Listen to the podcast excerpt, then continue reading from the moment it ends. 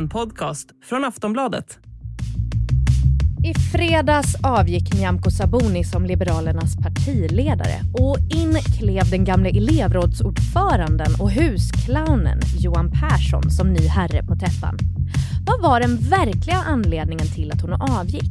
Vem är Johan Persson och är det too late for love när det kommer till Liberalernas framtid? Jag har släpat in My och Lena i studion för att få svar på mina frågor. Det här är ett bonusavsnitt av Aftonbladets politikpodd En runda till med My Råveder, Lena Melin och mig, Soraya Hashim.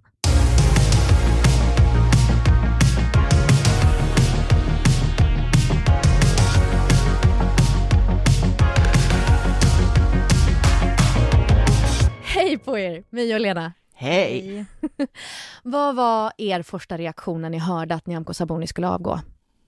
Att jag måste skynda mig på och sätta mig framför min hemmastudio, min hemma-tv-studio.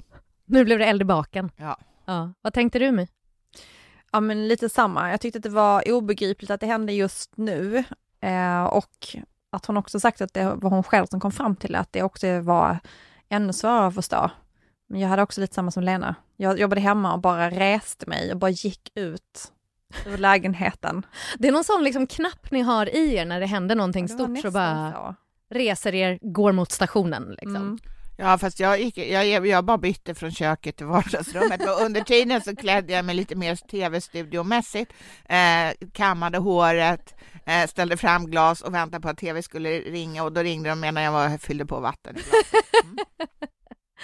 I förra veckan så la Liberalerna ut ett Youtube-klipp där Nyamko Sabuni och Ulf Kristersson käkade sju sorters kakor och utifrån de här kakorna så diskuterade de olika ämnen.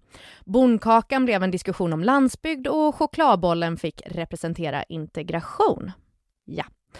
Det var i det här klippet som Nyamko sa att om det blir krig i Sverige så kommer hon kanske dra till Norge, vilket då är ett brott mot totalförsvarsplikten jag själv har tänkt, jag hade så här nätverk, tjejnätverk här i helgen som jag träffade och då var det en kvinna som beskrev, ja men så har jag ju en släkting på västkusten och det är nära Norge. Om det blir krig så åker jag till landet, blir det värre så åker jag till Norge, de är medlemmar i NATO.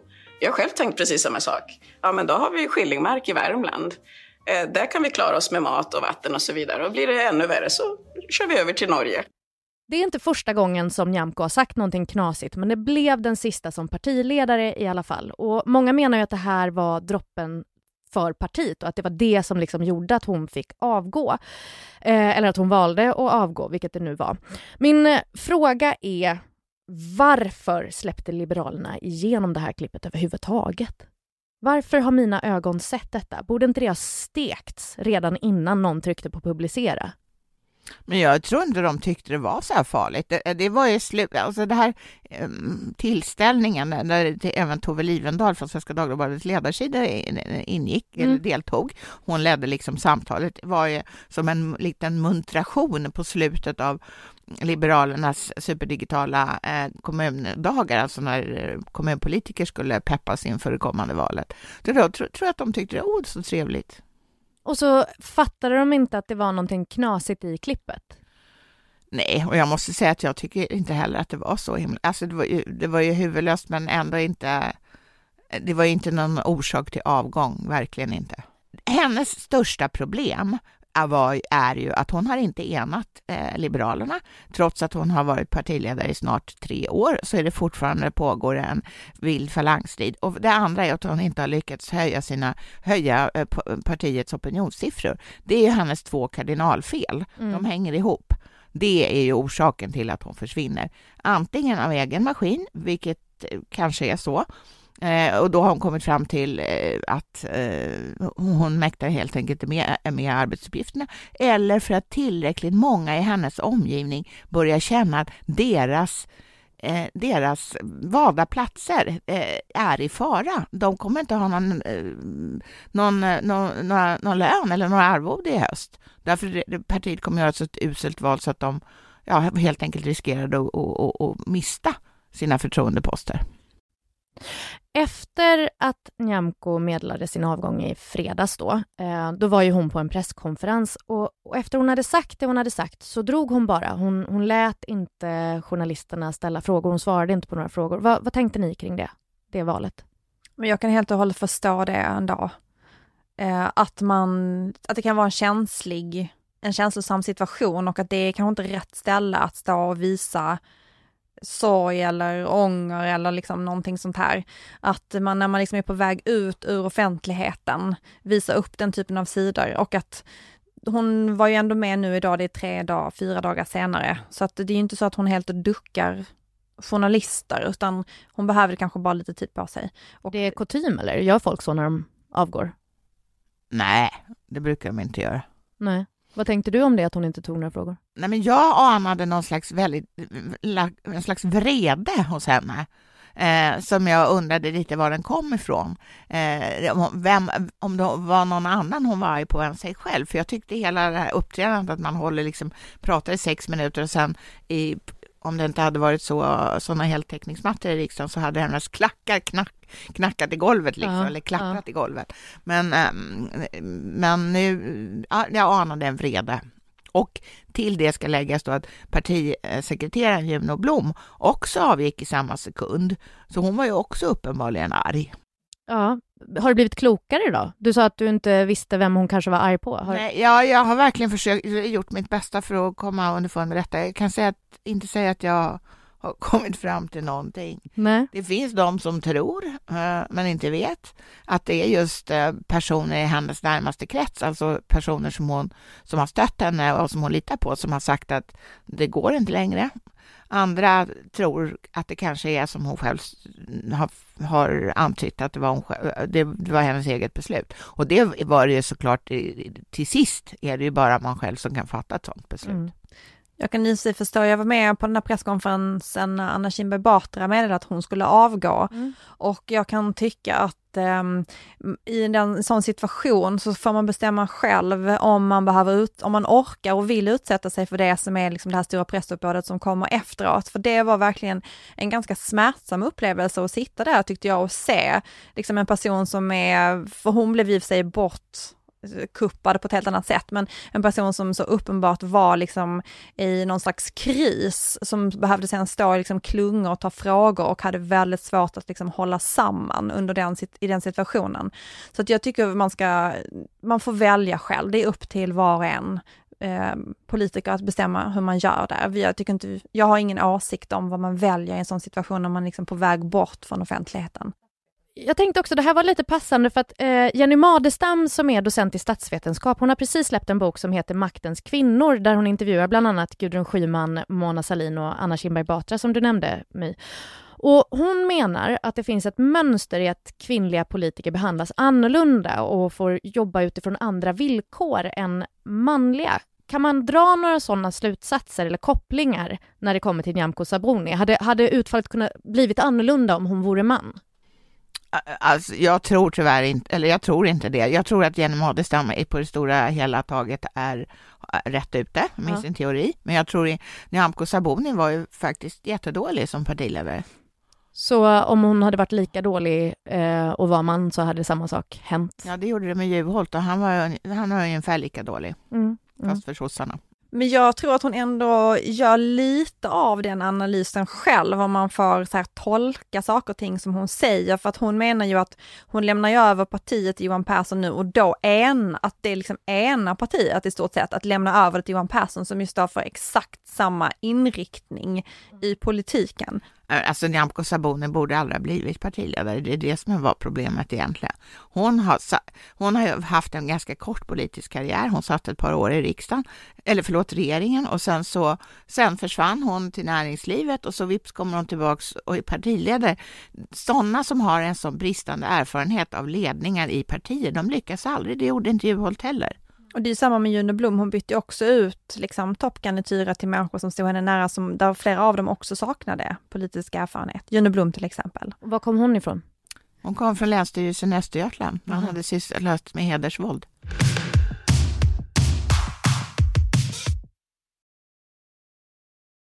Nu ska hon då ersättas, Nyamko Sabuni. Hon ska ersättas av Johan Persson och han har varit med länge. Nu senast har han varit gruppledare för Liberalerna i riksdagen och rättspolitisk talesperson. Eh, men när det skulle väljas ny partiledare till Liberalerna då 2019, då var väl inte han ens topp två? Han skojade till och med om sitt låga stöd internt. Så varför blev inte han vald sist? Det var ju för att eh, partiledningskandidat var Erik Ullenhag, mm. Eh, som nu är ambassadör i Tel Aviv. Och, och eh, sen fanns det en, en kungamakare som hette Lars Leijonborg som puffade för Nyamko Sabuni och, och sen var det väl ingen direkt stödtrupp för Johan Persson och alltså kom han sist av de här tre. Mm. Han var ändå topp tre, mm. som någon slags alibi för att det skulle vara en ordentlig debatt kring vem som skulle bli partiledare. Kul roll att ha. Men, men säg tre saker då, som Johan Persson måste ändra direkt nu när han sätter sig på tronen.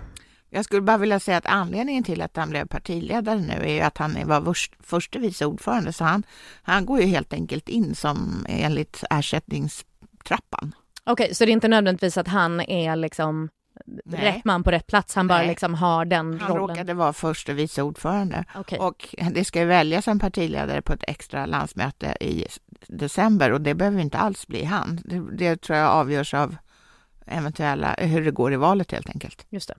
Så vad, vad, vad hinner han göra nu då innan, innan valet eller liksom fram till december då när det ska väljas eh, ny partiledare? Alltså vad är de tre sakerna han måste ändra direkt? Han måste absolut skaffa sig en partisekreterare, det borde han ha gjort redan idag. Mm. Vem och, blir det? Ingen aning, men, eh, men det, det, är fem månader kvar till valet, eller mindre än fem månader kvar till valet. Och partisekreteraren är ju den som rullar liksom valrörelsen. Uh, och ska jag tar itu med alla tvister, allting som upp, alla problem som uppkommer eh, och inte har lösts någon annanstans, de hamnar i partisekreterarens knä. Så där måste det, han absolut utse någon handlingskraftig, förmodligen eh, någon maratonlöpare som eh, inte behöver mycket sömn och eh, som ständigt är glad. Åh gud vad trött jag blev. Nej men gud vilken ångest jag får. Tänk att vara den personen som bara, ja, då tar vi tag i det här. Vad säger du? Ja men otacksamt också när det är ett parti som liksom kanske inte ens kommer in i riksdagen. Ja. Att upp, uppbåda den där energin. Fy fan. Vad mer behöver han ändra mig? Ja, jag tycker att det är ju jättekul att han är rolig och säger skämt, men det här med att han bara på den här presskonferensen när han skulle presentera sig själv, liksom kastade fram en tre, fyra, fem skämt på den korta tiden. Det är, det är lite mycket kanske. Det är ju kul att vara kul, men Eh, det är ju lite så här flaxigt i politiken också med någon som bara ska vara rolig, alltså det funkar inte alltid. Det, det, de gånger som jag verkligen har sett politiker där det, i så här intervjuer där det skär sig, det är ju när de ska skämta och sen så blir det fel för att det är väldigt svårt att tolka skämt när man är så ironisk eller bara kastar ur sig någonting. Det är en farlig väg att vandra. Ja men det är en liten farlig väg att gå på. Mm. Visst man kan ju vara kul då och då men liksom i varje mening Nej, nej det är svårt. Vad, säg en sista grej som han också måste göra. Jag hatar inte glädje. Nej, det är inte det du säger, jag förstår det. Men att liksom nej, så här, du kan inte bara vara husclown här, utan nej, du måste också exakt. göra någonting vuxet. Han måste minimera budskapet. Alltså han, ju kortare tid det är kvar till ett val, desto så att säga, mer sparsmakade måste partierna äh, vara. Och det de säger måste vara det som, är, som väljarna upplever att de är, gör skillnad och är bra på. Och, och eh, nu är det ingen människa som vet vad, vad Liberalerna vill utom att vi ska gå in i NATO. Eh, och, så det behöver han inte upprepa, utan han måste hitta två, tre grejer som hamras in i väljarna. Ja, inte lätt uppdrag det alls. Sen så finns det ju en fråga där Nyamko Sabuni har haft problem med kommunikationen och det är ju egentligen hur man ska ställa sig till Sverigedemokraterna. Vad är den röda linjen och hur ser den ut? Eh, de har ju väldigt svår uppgift för det här liksom beslutet de har tagit hur de ska ställa sig. Den exkluderar de egentligen i stort sett från alla sorters regeringssamrör eftersom de egentligen inte ska ha något direktkontakt med Sverigedemokraterna. Så att han behöver känna efter partiet, behöver den skruvas åt, behöver den ändras på något sätt och hur kan man kommunicera den så att den liksom är 100% tydlig. De första frågorna han får nu är ju direkt så här, vad är den röda linjen? Mm. Och han har inte riktigt svarat på det. Fortfarande, det är fortfarande lite så här flygigt liksom. Um, så att jag tror att där behöver partiet bestämma sig.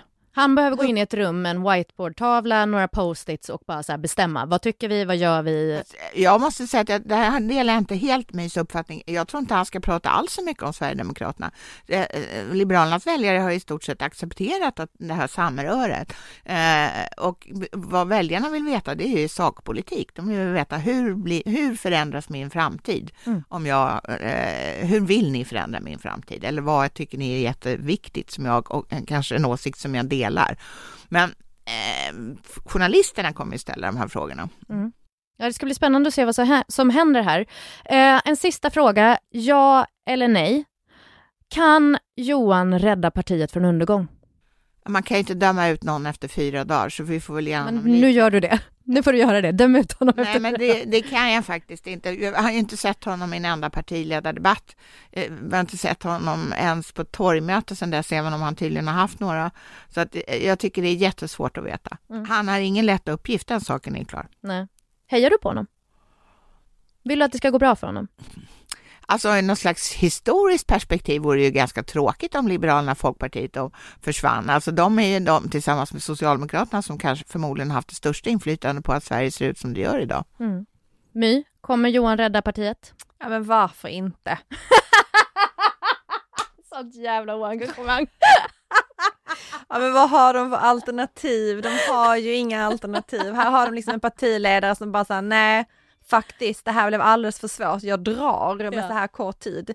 De har liksom inte ens en planerad process egentligen för vem som ska ta över, utan det är bara så här, den som stod liksom administrativt på nästa tur. De mm. hade kanske turen då att det var Johan Persson med lång erfarenhet och någon som ändå har liksom tagit debatterna i riksdagen istället för Nyamko Sabuni eftersom hon inte har suttit i riksdagen. Att det fanns och att det inte var Håkan Juholt som stod nästa Nej, men att det inte bara var någon, att hon inte hade bytt ut den här personen, vice partiordförande, till också någon utan erfarenhet som bara, som hon gillade, som stod henne nära, där hon liksom i någon slags visionär frenzy i början började byta ut människor.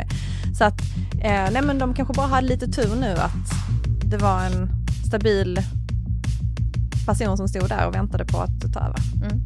Ja, vi får se vad som händer. Eh, tack ska ni ha. Tack så hemskt mycket. Vi är tillbaka senare i veckan igen med ett alldeles vanligt avsnitt. Och vi som har gjort programmet är som vanligt producent Olivia Svensson. Experterna heter My Råväder och Lena Melin och jag heter Soraya Hashim. Vi hörs snart.